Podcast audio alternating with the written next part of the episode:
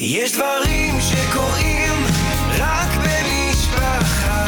לינו עם חייגו כוכבית 6485. אתן מאזינות למשפחה פודקאסט.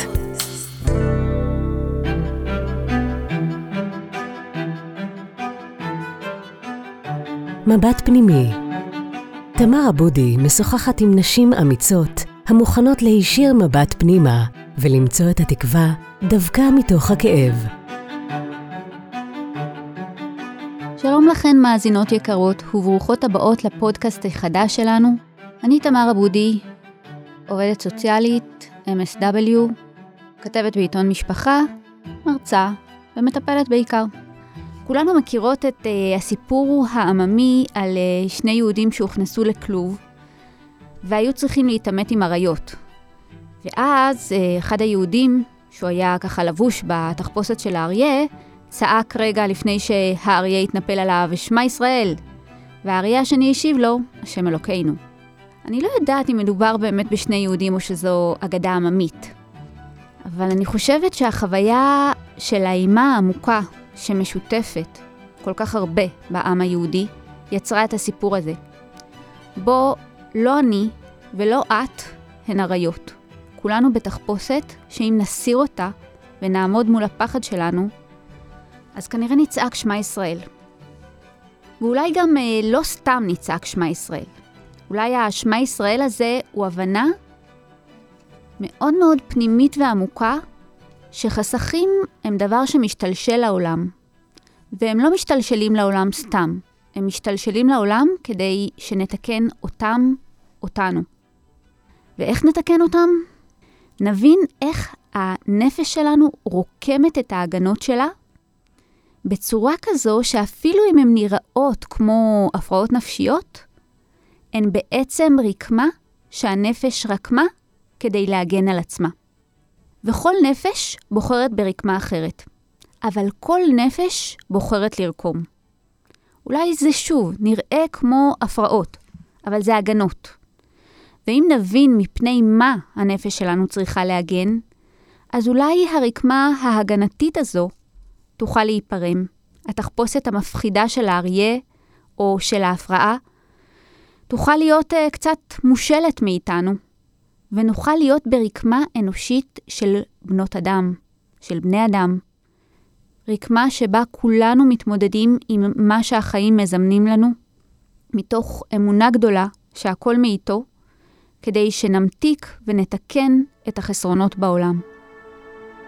היום נדבר על איך שהנפש שלנו רוקמת את uh, הפרעת האכילה כאיזשהו צורך קיומי של הנפש. אם נבין את זה, שוב, אולי גם נבין איך לפרום את הרקמה הזאת. Uh, לפני שנדבר על ההפרעה, הייתי שמחה שנדבר איך בכלל מתפתחת האכילה. אז על התפתחות האכילה יש הרבה תיאוריות, מאוד מאוד מעניינות, ואני אשמח לדבר קצת מה, מנקודת המבט של אה, ויניקוט, שהוא היה רופא ילדים ופסיכואנליטיקאי. אז אה, יש לוויניקוט איזשהו מאמר שקוראים לו האדם שהוא אני. והוא מדבר על זה שלאכול זו אמונה. אני מצטטת, אמונה בטובו ובחוסנו של העולם, וברצונו להעניק לי מהם. ו... אמונה בעצמי שבהיותי הורס, אינני מחריב ומרוקן. אני חושבת על כל מיני משחקים שאנחנו משחקות עם הילדים, הם נראים לנו משחקים אה, שטותיים ושבלוניים, אבל בעצם מתחבאת מאחוריהם תבונה מאוד מאוד עמוקה, עתיקה אפילו. אנחנו אפילו לא שמות לב כמה אנחנו חכמות. למשל, יש את האמירה הזאת של אה, אני אוכל אותך או ברגע של התלהבות, אני זוכרת שהיה לי משחק שהייתי משחקת עם החיות שלי. זה היה הזה שהאחות הגדולה הייתה מתרחקת ואומרת לי, אני באה לטרוף אותך. או עוד אמירה של סבתות שאומרת, אם היית אוהבת דגים, לא היית אוכלת אותם. אז כנראה את לא אוהבת את הדגים ולכן את אוכלת אותם. בכל האמירות האלו מסתתרת איזושהי אמת בנוגע לאוכל. אמת אה, שאנחנו קצת מסתירים אותה. אוכל זה משהו יצרי. אנחנו יכולות להשתמש ביצר שלנו כל עוד אנחנו יודעות שיש לו מעצורים. כל עוד אנחנו יודעות שהוא לא מכלה, שובר והורס אותנו. אנחנו יכולות לומר לילדה הקטנה שלנו, אני אוכל אותך, רק כי אני יודעת שאני לא באמת אוכל אותה. רק כי אני יודעת שאני לא אזיק לה באהבה הקצת מטורפת שלי. אני יכולה לאהוב דגים ולאכול אותם אם אני יודעת שהעולם רחב דיו ושיהיו בו עוד דגים. האכילה שלי לא תהיה כיליון, האהבה שלי והיצר שלי הם דברים טובים, הם לא מכלים. לעולם יש מספיק שפע בשבילי ובשביל אחרים. זאת אומרת שפעולת האכילה, שהיא נראית כל כך פשוטה, מחייבת אמונה בטוב ובשפע של העולם, ובטוב ובשפע שלי בעצמי, וגם ביצרים שלי. כשאנחנו אוכלים את השפע הזה, אנחנו לא מרוקנים את העולם, אלא מחזקים את עצמנו ויוצרים טוב חדש. ולא רק שהעולם רוצה להעניק לנו, אלא גם שלא ייווצר הרס. איזה הרס יכול להיווצר מהאכילה שלנו? אמ, טוב, כל אחת תחשוב עכשיו בעצמה על ההרס שיכול להתרחש אצלה מהעובדה שהיא אוכלת. אתן מכירות את הפירוש המתוק הזה על uh, הפסוק ואהבת את השם אלוקיך בכל לבבך. אומר רש"י, בשני יצריך, יצר טוב ויצר רע. איך עובדים את השם בשני היצרים? על ידי שפוגשים את היצר, גם הרע, ומנתבים אותו אל הטוב. אולי זה לא מפליא. זה ברור שחוכמת התורה קודמת להכל. ההוגים אחר כך רק תרגמו את זה לחיי היום-יום, במילים יותר פשוטות ונפשיות. ויניקוט מספר על תינוק ושואל ככה, איך נראה ילד נורמלי? האם הוא רק אוכל, גדל ומחייך במתיקות? לא, לא כזה הוא הילד הנורמלי. אם יש לו אמון באביו ובאמו, הוא משחרר את כל המעצורים. עם הזמן הוא מנסה את כוחו לשבש, להרוס, להפחיד, להתיש, לבזבז, לתחבל תחבולות. ככה זה תינוק. ככה זה ילד נורמלי. הוא נושך את אמא שלו, הוא בועט בה ברגליים הקטנטנות שלו, הוא צועק לה, אני שונא אותך, או אני לא אוהב אותך, או את אימא רעה, או אני רוצה ללכת מכאן. הוא שובר לה את האגרטל שהיא כל כך אוהבת כי הוא משך במפה. אפשר גם לראות את התינוק עם הדובי שלו, שהוא משתמש בו ביחס, אני שוב מצטטת, האכזרי ביותר והאוהב ביותר. בעצם, בשני היצרים שלו. ונחזור לאוכל. התינוק מתנפל על אימא שלו, אוהב, אוכל ולא חס. יש בו משהו פראי. וכאן השאלה הגדולה. האם האימא תוכל לעמוד ביצריות הזו, בתוקפנות הזו, ולהאמין שיצא ממנה משהו טוב, שהתינוק יוכל להיות ניזון ממנה? אם כן, התינוק יקבל את האמונה בטוב של העולם, בשפע של העולם, ובעובדה שגם כשהוא אוכל, הוא לא יוצר הרס. אמא טובה דייה מוכנה להתערף, ומוכנה גם לטרוף בלהט האהבה שלה. אני באה לטרוף אותך. אבל כשזה נעשה ברצון שני הצדדים. כשזה לא נעשה ברצון שני הצדדים, יכולה להתפתח הפרעה.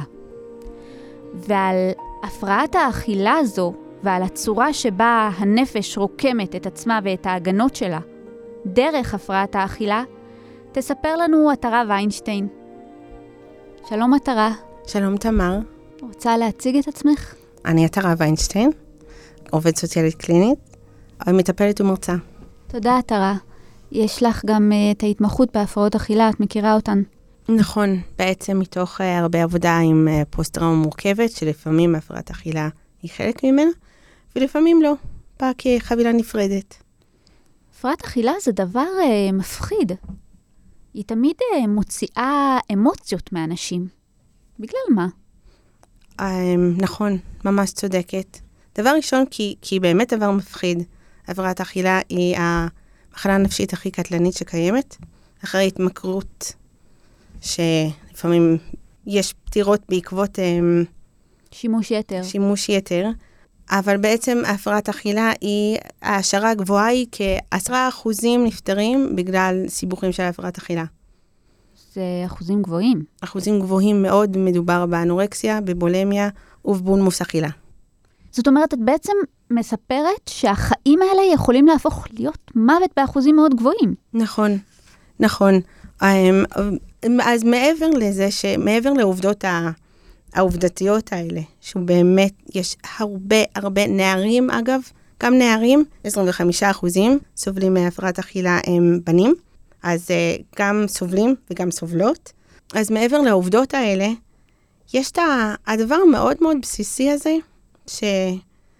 שהאכילה היא, היא דבר כל כך בסיסי, כל כך קיומי, שאנחנו רואים גם בבתים שיושבים שבעה, גם בבתים שיש, לא עלינו, מישהו חולה, שמתישהו עוצרים לאכול, מעבר, למרות הדבר הנורא והאיום שקורה, או, או להבדיל, אחרי שמחה, באמצע שמחה מאוד גדולה, בהכנות לחתונה, מישהו ידאג לאוכל. כי הוא צורך כל כך קיומי, כל כך בסיסי, שלא ניתן לדלג עליו. ואנחנו רואים לא רק אנשים, ילדים וילדות, נערים ונערות, שאיכשהו כאילו התגברו על המנגנון הזה. הם אה, לא צריכים, לא צריך אוכל. או שאפשר להכניס אוכל ולהקיא אותו.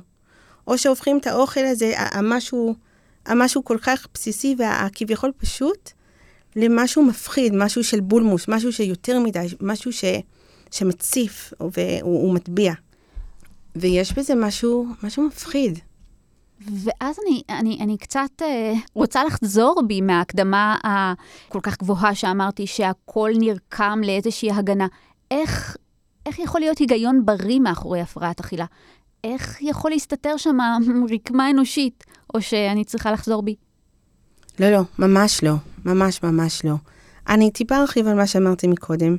אני חושבת שאנחנו גם חיים בעולם אה, יותר מטיפה מעוות, יותר מטיפה חולה. סביב הנושא של האוכל. אנחנו מאוד מאוד חיים, ואולי זו תוצאה מהשפע שקיים, אולי זו תוצאה ממושגים שהגיעו מהנצרות ומההתנזרות מהעולם הזה, אה, ואולי מדברים אחרים. אבל אנחנו חיים בעולם בו האוכל הפך מלא רק צורך קיומי, אלא גם אה, סימן של שפע, אפילו נחמה. תינוק נולד, מיד אוכל. ו- וזה מנגנון כל כך פשוט וכל כך טבעי, בילט אין ממש מהרגעים הראשונים. תינוק נולד, נבהל, מסתכל מסביב, אורות, אנשים, קור, מוצא נחמה באימא שלו, מוצא נחמה באוכל. ואנחנו באנו ממושגים של אכילה רגשית, וזה לא טוב וזה לא תקין, אבל יש משהו מאוד מאוד תקין באכילה הרגשית שלנו, mm-hmm. לעיתים. אכילה מנחמת. אכילה מנחמת, אכילה מחברת, אכילה מרגיעה, וזה חלק מהבריאה. זה מאוד מאוד נכון ומאוד מאוד מתאים, כי הוא חלק, כשהוא חלק מה, מהמנעד הרחב הזה, שהוא בעצם החוויה של אכילה. והפכנו את האוכל למשהו מצד אחד שהוא פרס. אנחנו רואים פרסומות של מגיע לך, האם זכותך, מגיע לך פינוק, היית טובה היום, מגיע לך מילקי. חטאת. אנחנו שומעים, נשים מדברות, יושבות על הספסל בגינה, מדברות, וואי, מה עשיתי? חטאתי היום. Mm-hmm. או הייתי ילדה טובה היום, הייתי אישה טובה היום, אכלתי סלט. הייתי ילדה רעה היום, אכלתי שוקולד. וכל מיני מושגים שבא לי לשאול אותם לפעמים על איזה אחד מתרי"ג המצוות עברת. אולי זה דרבנן, אולי זה גזירה, אולי זה מה עשית, מה עשית רע. אבל מאוד הכנסנו מושגים אחרים, שכשאני עובדת עם אה, נערות בעצם חולות בהפרות אכילה, מאוד מאוד קשה להחלים ולהיות בריאה, להחלים לתוך עולם חולה. וזה לפעמים חלק מההתמודדות, שמי שמחלימה בעצם הופכת להיות קצת חריגה, במיוחד בגילאים מסוימים שבין כל החברות שלה, היא אמורה להיות היחידה שלא סופרת קלוריות. היחידה שלא אוכלת סלט לארוחת צהריים במקום ארוחה נורמלית. את יודעת, זה מעניין, אה, דיברנו על זה שקצת התקדמנו במשך הדורות. כי כשאנחנו היינו ילדים, היו אומרים לנו, אם לא תאכל, אז יבוא השוטר. אז ברוך השם, שם אנחנו לא, אבל עדיין את מספרת שהאוכל הפך מאמצעי למטרה. Mm-hmm. וזה ממש, קצת חולה. ממש. עכשיו, אם כן תאכלי, תבוא משטרת הדיאטה. אוי לנו מיוצרנו, אוי לנו מיצרנו. ממש, ממש, כמו שאת אומרת.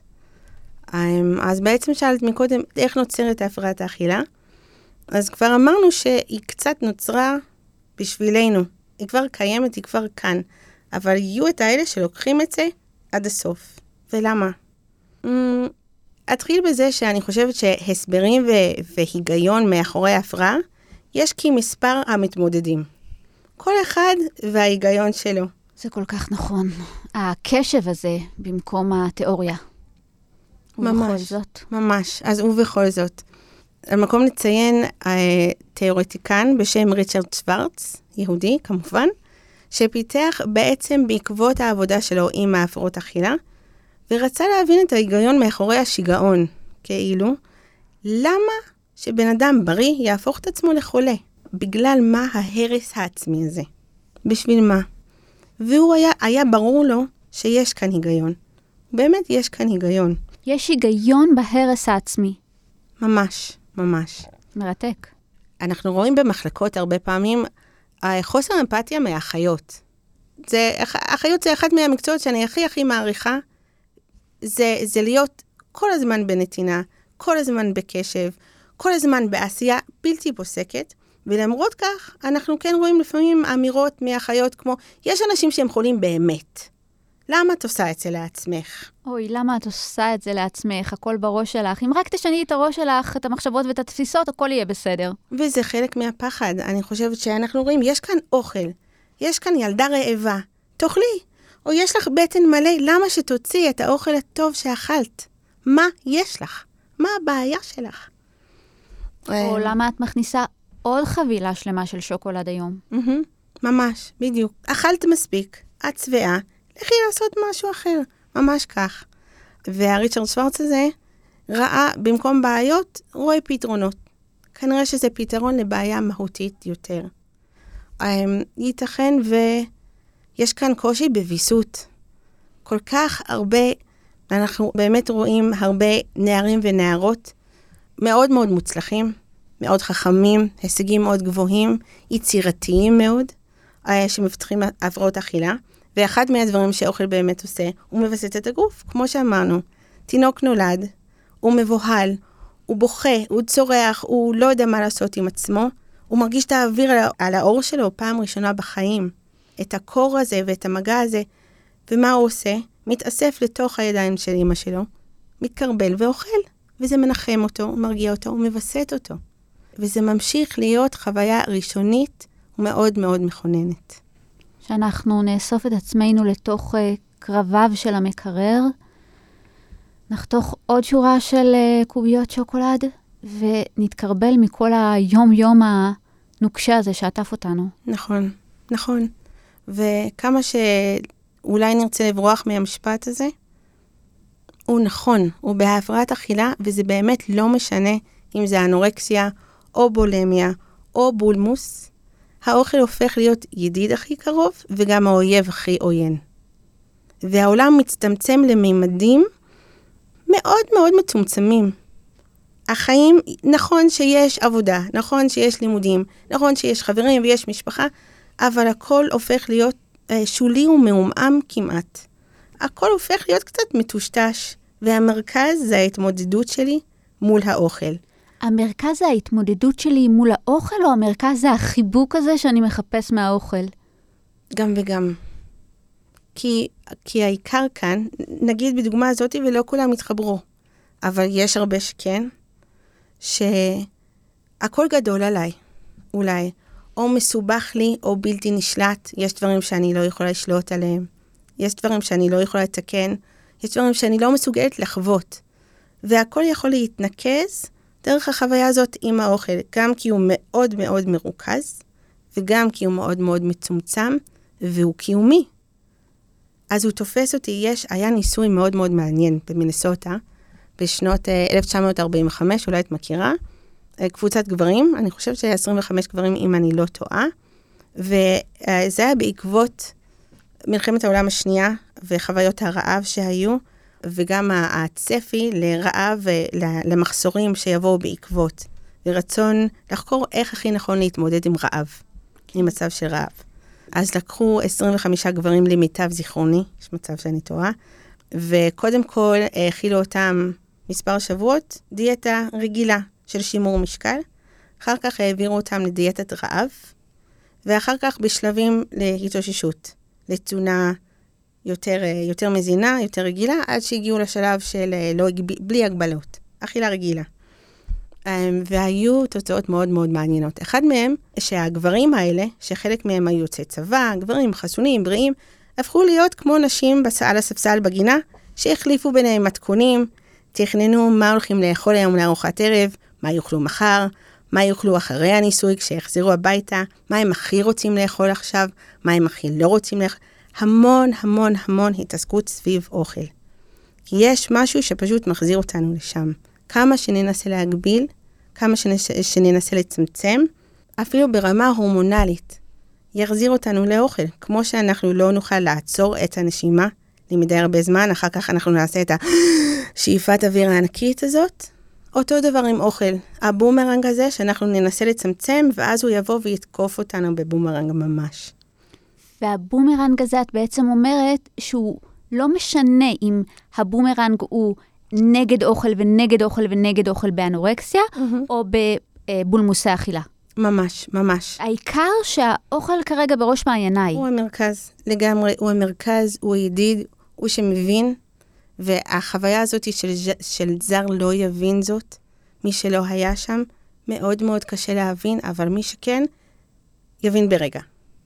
כי האינטנסיביות בגלל השילוב הנדיר הזה בעצם, של התמודדות נפשית, שמאוד מאוד מתבטאת דרך הגוף, אז גם הגוף כאן תופס הרבה מאוד מקום ודורשת שלו, גם הנפש דורשת שלו, ולפעמים מה שהנפש דורשת זה גבול. זה יותר מדי. אני חווה יותר מדי, אני חייבת יותר מדי, אני עושה יותר מדי, והנפש שמה לזה סטופ. ועכשיו הכל סביב האוכל, והעולם נהיה מאוד מאוד מאוד מצומצם. זה אחד הצרכים, נגיד, שבעצם משרת הרבה צרכים um, בהפרעות אכילה. Um, הזכרנו צורך בשליטה, שהוא עוד צורך קיומי, ולעומת זאת, אנחנו יודעים שאין לנו, אין לנו שליטה על מה שקורה.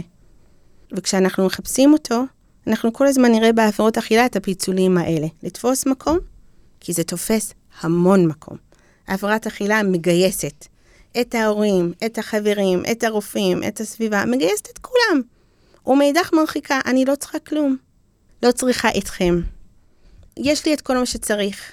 יש לי את האוכל, או שאני לא צריכה לאכול. לא צריך. אז יש בזה משהו מבלבל, אבל הוא בעצם מצליח לשרת את שני הכותבים האלה, שני הקצוות. את אומרת כאן משהו מדהים. את אומרת, דרך הפרעת האכילה, סליחה שאני uh, חוזרת על זה, הנפש רוקמת את שני הצרכים שלה ביחד. גם את הצורך שיתרחקו, כי אין לי צורך, יש לי את האוכל, או יש לי את השליטה, אין לי בכלל צרכים, וגם את העובדה שכולם עכשיו יסתובבו מסביבי כי אני סובלת מהפרעת אכילה. נכון, נכון ממש. זה ממש פתרון שהנפש מציעה לעצמה. Mm-hmm.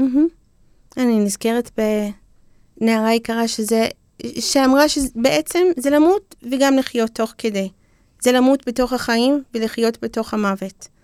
וככה אני מגשרת על העולמות. אוי, זה משפט כל כך עוצמתי. מאוד מאוד. וכל כך כואב, כאילו אי אפשר לחיות את החיים כמו שהם, וגם במוות אין מספיק שקט. נכון. אני אזכיר עוד משהו, עוד שני משהוים, ובזה לא, לא מיצינו, אבל נראה לי שנתנו קצת, קצת מחשבות. אמ, אחד מהם זה הרעיון ביהדות שאישה יתפוס מקום, שזה גם נושא רחב, מורכב, אמ, שדורשת מאיתנו הכלה דיאלקטית, שזה אומר להכיל כמה רעיונות שמרגישים לנו מנוגדים אחד לשני, אבל בעצם יש אמת בכולם. אנחנו מתחנכות לצניעות, אנחנו שומעות uh, בשרה באוהל, אנחנו שומעות שאישה יהודייה, בת יהודייה, היא נסיכה, והיא אמורה להיות מוגנת, מוסתרת ובלתי נראית מצד אחד, מצד שני, אנחנו שרים כל שבת, אשת חיל, והאשת חיל היא בכלל, בכלל לא בלתי נראית. כן. היא עושה המון. ממרחק תביא לך מק, האוניות סוחר. לגמרי, אנחנו מאוד מאוד רואים אותה. אמ, ובמצב הבריא, כל הרבדים האלה וכל החלקים האלה מתמזגים למשהו אחד, להרמוניה אחת יפה, בעצם שיר. לא רק שיר, פסוקים מהתנ"ך, חלק חלק מהתורה, הוא, הוא במצב לא בריא, נוצרים פיצולים. נוצרים מצב שבו אני חייבת להיות גם בלתי נראית, צנועה, מוסתרת, לא קיימת, וגם עוצמתית, עושה, מעצבת את דעת בעלי, עושה רצון בעלי. בעצם האישה מאחורי הקלעים שמושכת בחוטים, אבל באמת באמת מחוברת. הזכרת מקודם אמונה, הזכרת מקודם אמ, אמון בעולם, וכשתינוק יכול להאמין בעולם ויכול לסמוך על ההורים שלו, אז הוא בעצם יכול להתפרע, וזה קצת להתפרע, להיות גם זה וגם זה וגם זה וגם זה. אבל אם אני מצליחה להתנסות בזה, אני, אני מוצאת את ההרכב הנכון, אני מוצאת את האיזון ואת ההרמוניה. כשאני לא, אז זה נשאר בתיאוריה. דברים שמחייבים אותי, אבל אין לי מושג איך להיות את כל אחד מהם. ומכאן ההפרעה נכנסת, ומנסה לעשות סדר. ככה את יכולה להיות גם עוצמתית, לא צריכה כלום, שולטת על כל העולם, אפילו על האוכל את שולטת, ומצד שני, שברירית, חולה, עדינה, בובת חרסינה, נסיכה מושלמת. אני חייבת לחזור על המשפט הזה, כי הוא נורא עוצמתי. ההפרעה נכנסת ומנסה לעשות סדר, ואז אני מצליחה להיות גם וגם. גם עוצמתית ולא צריכה, וגם שברירית ועדינה. האמת שזה נורא מעניין. באנגלית אנחנו אומרים eating disorder, והמילה סדר, שזה order, והמילה disorder, הם נשמעים הפכים, אבל אנחנו בעצם באות להגיד, לא, ה-disorder הזה בא לעשות סדר אחר. זה בא לעשות order אחר בשבילנו, ואנחנו רוצים לראות את, לפני שאנחנו באים לפרק את, ה, את ההפרעה, את החוסר סדר, את האי-סדר, אנחנו רוצים להבין איזה סדר הוא בא לעשות, כי אולי יש דרך אחרת, שלא תחסל על הדרך. זה כל כך מעניין, את יודעת, כי מה שאני חווה עכשיו בחוויה שלי, זה כל כך הרבה חמלה למקום הזה של איזושהי נערה שאומרת, הכל, הכל בורח לי, הכל מתפזר לי, הכל מתפרע לי, אני חייבת להחזיק חזק חזק ולעשות איזשהו סדר. והחמלה הזו מול האמירות הקשות האלה של זו הפרעה, זה מחלה, זה... היא יוצרת, אה, לא יודעת, מבט אחר שמוכן לגשת, להתקרב אה, ולטפל. ו- ומתוך כך באה בעצם כל, כל השיחה הזאת, שאנחנו מאוד רוצים ללמוד להקשיב ולא להנחית. הדבר השני בעצם שרציתי להגיד, שבגלל ההפרעת האכילה, שהיא כל כך אה, משנית צורה, כמו מים, תופס את המקום והצורה שצריך, ועם הזמן המנגנונים והמיומנויות האחרות שיש לנו קצת מתנוונים. הם, הם הולכים לנו, כי הפרעת האכילה היא כל כך יעילה, וכל כך סוגרת פינות, כל כך סותמת חורים, שמתישהו אנחנו שמות לב שאין, שאין לי צורך בהם. יש לי את ההפרעה, וזה ההשלכה המשנית מההפרעה, וחלק ממה שכל כך מקשה על ההחלמה, הוא שמצאתי פתרון. לא צריך משהו אחר. ועם הזמן אני שוכחת איך להשתמש במשהוים האחרים שפעם ידעתי איך להשתמש בהם. אז העבודה הטיפולית צריך להיות בהרבה הרבה קשב, בקצב מתואם, אמ, ובלי להזניח את הקטע של האוכל, של התזונה, כי המוח במצב של רעב, כמו שאמרנו קודם, לא מוכן ולא מסוגל לתפקד כמו מוח במצב של שובע. את בעצם אומרת, אמ, ואני מרגישה שאני חוזרת על זה שוב ושוב, ואולי אני חוזרת על זה שוב ושוב, כי זה משהו שהוא קצת, אה, אפרופו, קשה לעיכול. אה, את בעצם אומרת, אנחנו צריכים לכבד את ההפרעה הזו. נכון. אנחנו צריכים להבין את המנגנון שעומד מאחוריה, שרקם אותה. נכון. אם נבין אותה ונתייחס אליה באיזשהו כבוד, באיזשהו אה, אה, כבוד מלשון אה, כובד, כובד משקל, ונבין שהיא לא נרקמה סתם כך, היא מנסה לייצר סדר, אז אולי היא תוכל ללכת ונוכל לייצר את הסדר בדרכים קצת אחרות. נכון, היא, לא, היא בכלל לא נערה רדודה שרוצה גם לאכול וגם להיות רזה, אז מצא לה פתרון. ממש ממש לא. היא נערה שמרגישה איזשהו בלגן בתוך תוכה, והיא מנסה להחזיק את החבל משני הצדדים שלו, להחזיק חזק, נכון. ולייצר בעולם שלה איזשהו סדר. ממש כך. את יודעת, עטרה, פעם ביקרתי באיזשהו אה, מרכז להפרעות אכילה במחלקה, והיה שם די קשוח. ראיתי שמתנהלת איזושהי מלחמה על כל ביס של מטופלת. אה, לא הרגשתי שם את הקשב הזה למה את רוצה, מה את לא רוצה, כאילו קצת נלחמים במטופלות שתסכמנה לחיות. יכולה לעשות לי קצת סדר? זה ממש ממש נכון, זה ממש מדויק. המשפט שלך על מלחמה שתסכמנה לחיות, ו- וזה הליכה על חבל דק, ולא נראה לי שיש מתכון מדויק או מוצלח עד היום.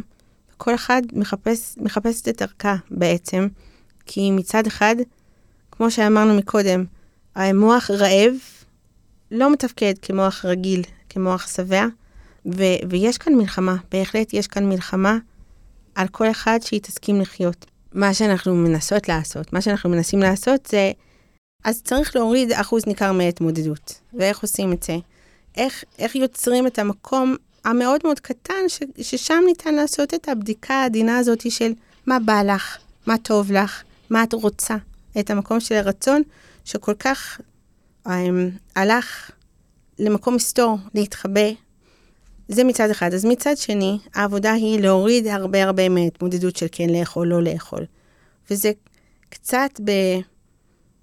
קצת מתחבר למושג של כופין אותו, עד, ש... עד שאומר רוצה אני, שקצת אנחנו לוקחים את המקום הזה של ההפרעה, של, ה... של הלא, של הלא רוצה לאכול, או רוצה להוציא את האוכל, או רוצה להאכיל את עצמי עד, ש... עד שבעצם אני הורסת את עצמי. שם אומרים, אנחנו כאן נתפוס את המושכות. אנחנו נחליט ולא ניתן לה, להפרעה כאן להחליט בשבילך, כי כרגע אתה בתוך משהו שהוא מעבר, שהוא השתלט על המוח. אז אנחנו אומרים שכאן אנחנו נעשה, אנחנו נקבל את ההחלטות בשבילך, בשבילך, ו, ופה ניתן לך להתמודד ולהתקדם ולעשות תהליך. וזה הרבה פעמים נחווה כחוויה אכזרית מאוד.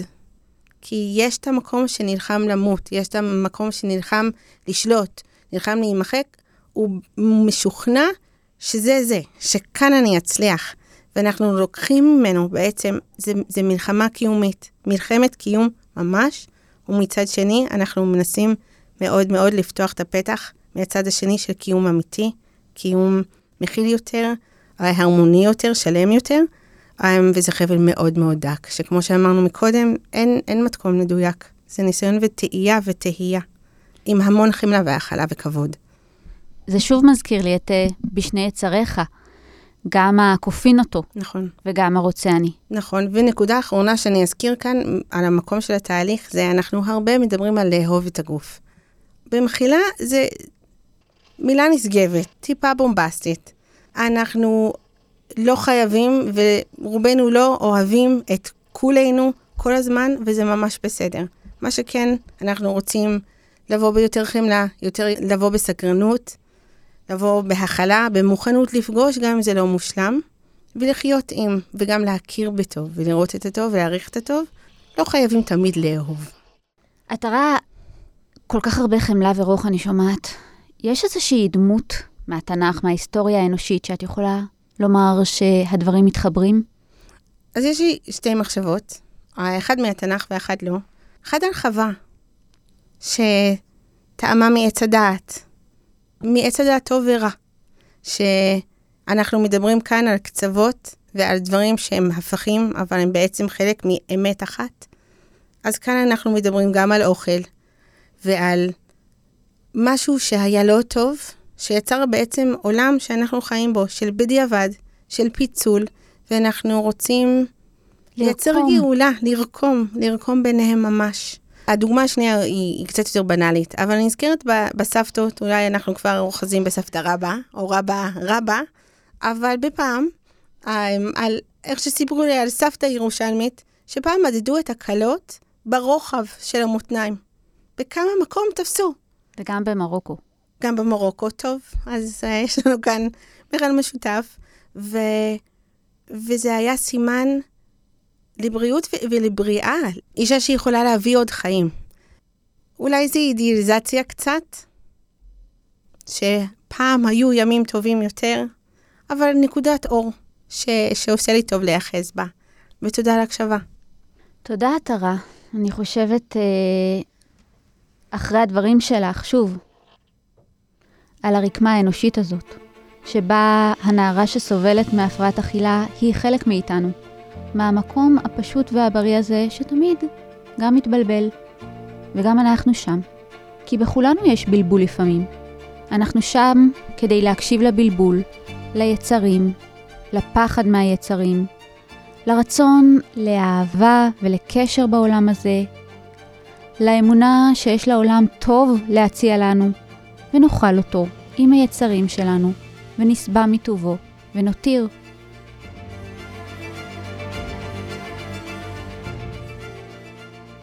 אני תמר אבודי, מבית משפחה פודקאסט. תודה לעורכת תהילה סיטון, למפיקה איילה גולדשטיין ולעורכת הסאונד שיראל שרף. אפשר להאזין לפרקים נוספים בכל אפליקציות הפודקאסטים, באתר משפחה ובקו הטלפון 02 6523 820